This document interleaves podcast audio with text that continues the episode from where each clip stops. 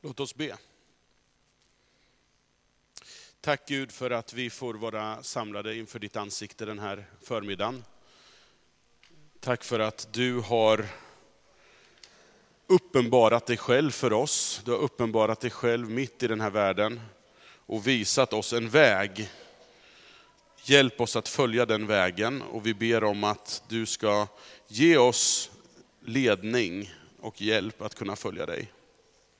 Amen. Bered en väg för Herran sjöng vi förut här. Och nu sjöng vi precis alldeles nyss, bana väg för Herrens fred. Det här med väg och vandring är ju en väldigt vanlig metafor för det kristna livet. Eh, och i Saltaren så finns det ett gäng salmer. Eh, mellan psalm 120 och 134 som kallas för vandringssalmer. Och de här salmerna skrevs särskilt för Israels folks vandring mot templet. Och de är också skrivna, tänker jag, för att på något sätt ge uttryck för vad det innebär att gå på vägen efter Jesus, att följa Jesus. Och de här slitstarka salmerna som finns i Saltaren har ju i tusentals år använts i både gudstjänstliv och andaktsliv. Såväl i kollektiv lovsångsglädje som i individuell bönekamp. Och jag vill ta med er till en av de här salmerna, nämligen psalm 124 och dela några tankar kring detta. Vi går till psalm 124. En vallfartssång av David. Om inte Herren stått på vår sida, så ska Israel säga. Om inte Herren stått på vår sida när människor anföll oss, då hade de slukat oss levande i sin brinnande vrede mot oss. Då hade vattnet ryckt bort oss, en ström hade sköljt över oss, då hade det brusande vattnet sköljt över oss. Lovad vare Herren. Han lät oss inte bli ett rov för deras käftar. Vi kom undan som en fågel ur jägarens nät. Nätet gick sönder och vi kom undan. Vår hjälp finns hos Herren som har gjort himmel och jord. Den här salmen har, kan man lätt se när man, när man läser den, två huvuddelar.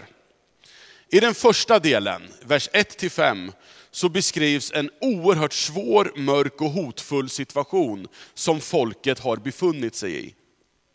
Det verkar som att man har varit nära utplåning och död. Man har varit ansatt av fiender som har förföljt dem och som det verkar borde ha utplånat dem vid det här laget. Man skulle ha slukats levande, som psalmisten skriver. Och för att ytterligare spä på den här känslan av förödelse, så kommer den i Gamla Testamentet så vanliga hänvisningen till brusande vatten, som hade sköljt över dem och ryckt bort dem. Och efter den här tsunamin som, som drabbade Sverige, får man väl säga, då 2004, Ingen visste vad en tsunami var innan dess, eller väldigt få visste det. Nu, sen blev det en vanlig, ett, van, ett vanligt ord i vår vokabulär. Eh, då får, blir den här bilden väldigt mycket mer levande. Vattnet är ju en symbol för kaos och död i Gamla Testamentet. Men gång på gång så möter vi en Gud som räddar från de här makterna som vattnet så att säga symboliserar. Och i den mest identitetsbärande berättelsen i Gamla Testamentet, så är det just genom en torrskodd vandring genom detta kaos som frälsningen sker. Och kanske är det den händelsen som också beskrivs i salmen här. Man står inför utplåning med Egyptens härar bakom ryggen och havets hotfullhet framför näsan. Och i ljuset av den händelsen så blir den här inledningen på salmen ett understatement. Om inte Herren stått på vår sida, så ska Israel säga. Om inte Herren stått på vår sida, då hade det gått käpprätt åt skogen för oss. Sen har vi den andra delen som är vers 6 till 8. Då blir sedan, det blir sedan en lovsång till Gud som har räddat dem från den där hotfulla situationen. Lovad vare Herren, inleds den, här salm, inleds den här delen. Och man beskriver den här räddningen med bilden av en fågel som har fastnat i fågeljägarens nät. Men nätet gick sönder och vi kom undan. Och så konstateras det slutligen i salmen att det är hos Herren som har gjort himmel och jord som hjälpen finns. Jag vill dela två saker utifrån den här salmen. Det första som den här salmen vill på något sätt konstatera, det är att vi lever i en fallen värld. Bakom den här salmen så verkar det ligga en tendens att inte förtrösta på Gud. Och salmisten vill liksom påminna de här om att tänk på att om inte Herren hade stått på vår sida, då hade vi inte funnits till överhuvudtaget.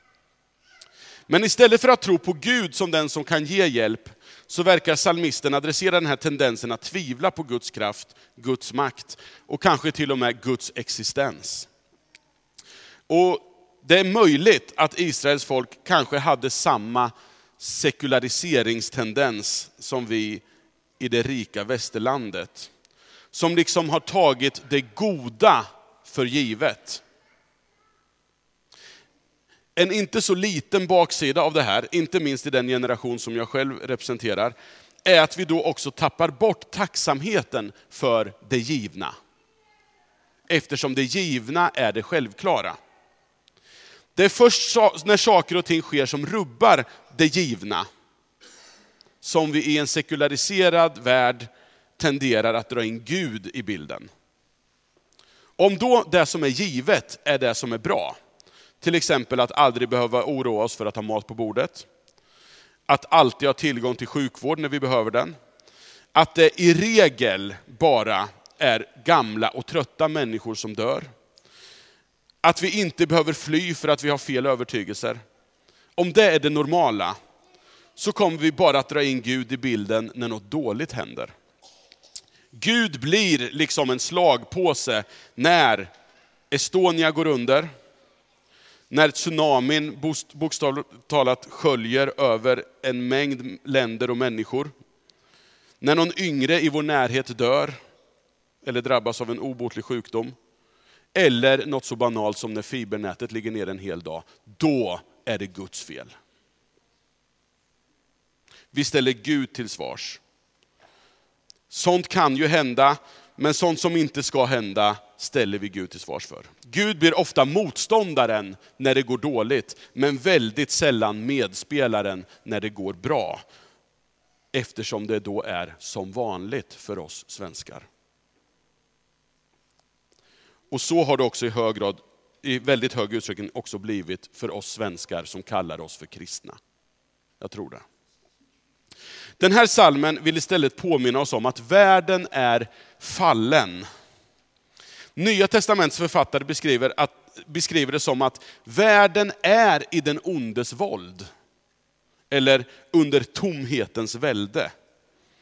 Och i en sån värld så är det inte särskilt konstigt att det onda existerar. Att faror och kaos hotar oss. Då är det inte konstigt att fienderna hade slukat oss levande, eller att vattnet ryckt bort oss. Eller att det brusande vattnet hade sköljt över oss. Det är det som är det givna, inte tvärtom, som vi ofta tror. Salmen vill liksom lyfta fram att utan Gud så vore det ännu sämre. Kristina från Duvemåla är ju en sån här gestalt som många kanske först lärde känna i och med den här musikalen som kom på, på slutet på 90-talet. Och hon, hon gestaltar ju mycket av det här perspektivet, där livet är verkligen ett elände. Men så, så sjunger hon så här, du måste finnas, du måste, jag lever mitt liv genom dig. Utan dig är jag en spillra på ett mörkt och stormigt hav. Livet är värdelöst, men utan Gud hade det varit ännu värre. Det anmärkningsvärda är snarare att det goda faktiskt sker och vittnar om att Gud finns. Att Gud är verksam i skapelsen och vill rädda och upprätta den. Det är det som är det konstiga. Salmisten vill få oss att byta perspektiv här. Stanley Hauerwas, en amerikansk teolog, han skriver så här. Vi undrar ofta varför det onda händer de goda. Men vi fylls sällan av förundran över att det goda faktiskt ofta händer de goda. Trots att vi lever i en kaotisk värld. Världen är fallen. Livet kan, alltså vi har inga garantier för att allting kommer gå smidigt för oss genom livet. Oavsett hur bra och fina och goda val vi gör. Så är det att leva i den här världen. Men så byter salmisten perspektiv och vill på något sätt peka på att ha sin identitet i Guds frälsning. Salmisten ser det här behovet att påminna om att Guds folk bör ha ett annat perspektiv på tillvaron än andra. Och man är grundad i en identitet av att Gud av nåd har handlat med dem. Hela deras existens bygger på att Gud har gjort något. Gud har agerat. Om inte Herren stått på vår sida, så ska Israel säga, om inte Herren stått på vår sida när människor anföll oss, då hade de slukat oss levande i sin vrede mot oss. Att vara Guds folk gör inte världen mindre farlig, eller att motståndet från diverse kaosmakter skulle avta. Men att vara Guds folk innebär att man mitt i en till synes mörk och kaotisk värld får vara, får vara ett vittnesbörd om att den gode skaparen av himmel och jord är verksam mitt i den. Nätet gick sönder och vi kom undan. Där har vi Guds hand. Att detta folk överhuvudtaget existerar är ju, säger ju den här salmen, ett bevis på att Gud finns, att Gud är verksam.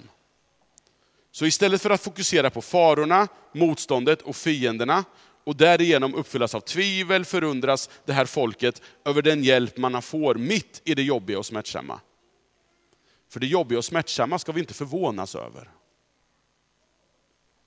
Hela folkets identitet är ju sprungen ur den här erfarenheten, att precis som den här fågeln som har löst från nätet, har blivit räddade.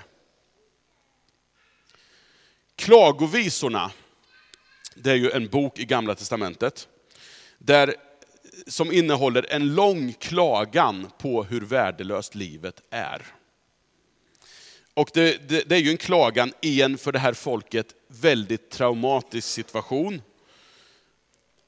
Man har blivit av med sitt land, man har blivit, mm, templet har blivit intaget av fiendemakten. Det finns liksom allting som man har byggt sin tro och sin identitet kring är i svajning. Och så klagar man i fem sånger till Gud. Men i den mittersta sången, i, i den tredje sången, i det mittersta stycket, alltså mitt i hjärtat av klagandet, så är det liksom som att det här perspektivet ändå finns i stil med att tur att vi har Gud, för annars vore det ju ännu värre. Så här klagar Jeremia. Herrens nåd är det att det inte är ute med oss. Ty det är inte slut på hans barmhärtighet. Den är var morgon ny, ja stor är din trofasthet. Precis som Israels folk där och då hade sin identitet i att Gud ändå var den som var befriaren. Så har den kristna församlingen sin identitet i en ännu mer total befrielse, där hela skapelsen är inbegripen. Israel, de påbjuds i den här salmen att sjunga om Herren som har stått på vår sida. Som församling lever vi och firar gudstjänst i ljuset av krubban, korset och den tomma graven. Julen står ju för dörren, det har vi ju inte missat någon av oss. Då vi firar det helt fantastiska att Gud har blivit människa. Gud, skaparen av universum, har visat sig inte bara vara en igångsättare av någonting, och sen håller sig borta från den här världen. Istället så har Gud visat sig vara Immanuel. Gud med oss. En Gud på vår sida. Om inte Jesus stått på vår sida, om inte, som vi hörde i inledningsordet här, Jesus hade avstått från allt och blivit som en av oss och varit lydig ända till döden, döden på ett kors. Istället för att ge, ge, ge med sig för den förmodligen ganska frester, betydande frestelsen att välja en annan väg. Om inte Jesus hade gjort det, då hade inte döden besegrats. Och vi hade inte haft någon befrielse att fira. Och den kristna församlingen hade inte existerat. Gud är inte den som ligger bakom ondskan, farorna, sjukdomarna, motståndet och döden. Istället förkunnar vi att Gud är den ende som i sanning kan befria oss från allt det där. Och att Guds rike är verksamt i världen, mitt i allt. Mitt i all helvetisk ondska som vi så ofta ser omkring oss. Och det är därför vi vill tillbe, ära, prisa och tacka Gud. För utan hans frälsning så vore vi ingenting. Så i en tid och i en kultur då vi tar så mycket för givet så behöver vi psalm 124s påminnelse om att världen är fallen och det finns inga garantier. Det finns ingen anledning att vi får en troskris när någonting händer oss. Därför att det är det normala i vår värld. Vi behöver förstå att det inte är fienderna eller det brusande vattnet som är det märkliga. Utan det märkliga och häpnadsväckande, det är ju att Gud har räddat och hjälpt och är verksam i vår värld. Det märkliga är ju att den starka tron och den starka förtröstan på Gud är ju mer förekommande just i sådana delar av världen där man har det som sämst. Där man har varit beroende av Gud för att överhuvudtaget överleva. Jag har aldrig varit med om en större och innerligare glädje och tacksamhet i ett gudstjänstsammanhang, som när jag var i ett flyktingläger för ett antal år sedan med burundier som hade flytt folkmordet och den här konflikten mellan tutsier och hutuer som präglade både Burundi och Rwanda i mitten på 90-talet. Gud var inte den de lastade för problemen. Utan snarare var Gud den enda förutsättning för det lilla hopp man trots allt hade kvar. Eugene Peterson, en pastor som har betytt mycket för många genom sitt författarskap och som avled det här året. Han skriver så här. Det är inte farorna vi möter, utan hjälpen som vi erfar som formar våra liv. Gud hjälper oss att leva i ett sådant perspektiv. Och att bereda vägen för och göra portarna höga för den Gud som befriat, befriar och den enda som på riktigt kommer kunna befria den här världen från alla destruktiva makter. Det är den Gud som i Jesus har blivit människa och valt vår sida. Gud med oss, som vi nu strax ska få tillbe i en stund av lovsång.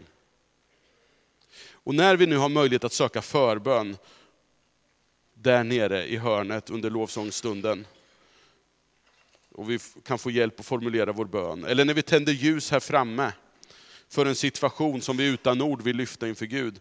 Eller när vi står vid korset, så är det inför en Gud som står på din sida. Och som är förutsättningen för att vi överhuvudtaget kan känna en strimma hopp för den här världen. Gud vill dig väl och Gud har makt att befria från snaror och faror som vi lever mitt ibland i en värld som på många sätt är ur led.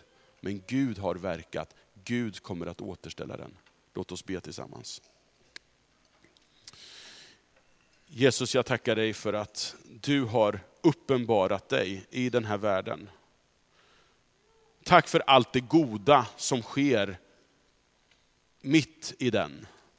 Allt det du står bakom, allt det som du är en förutsättning för, som är så gott och vackert och härligt i vår värld.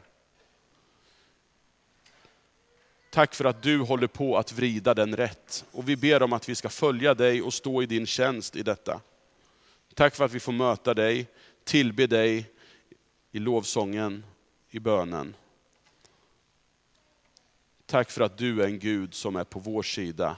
Tack för att du är Immanuel, Gud med oss, för oss och i oss. I Jesu namn. Amen.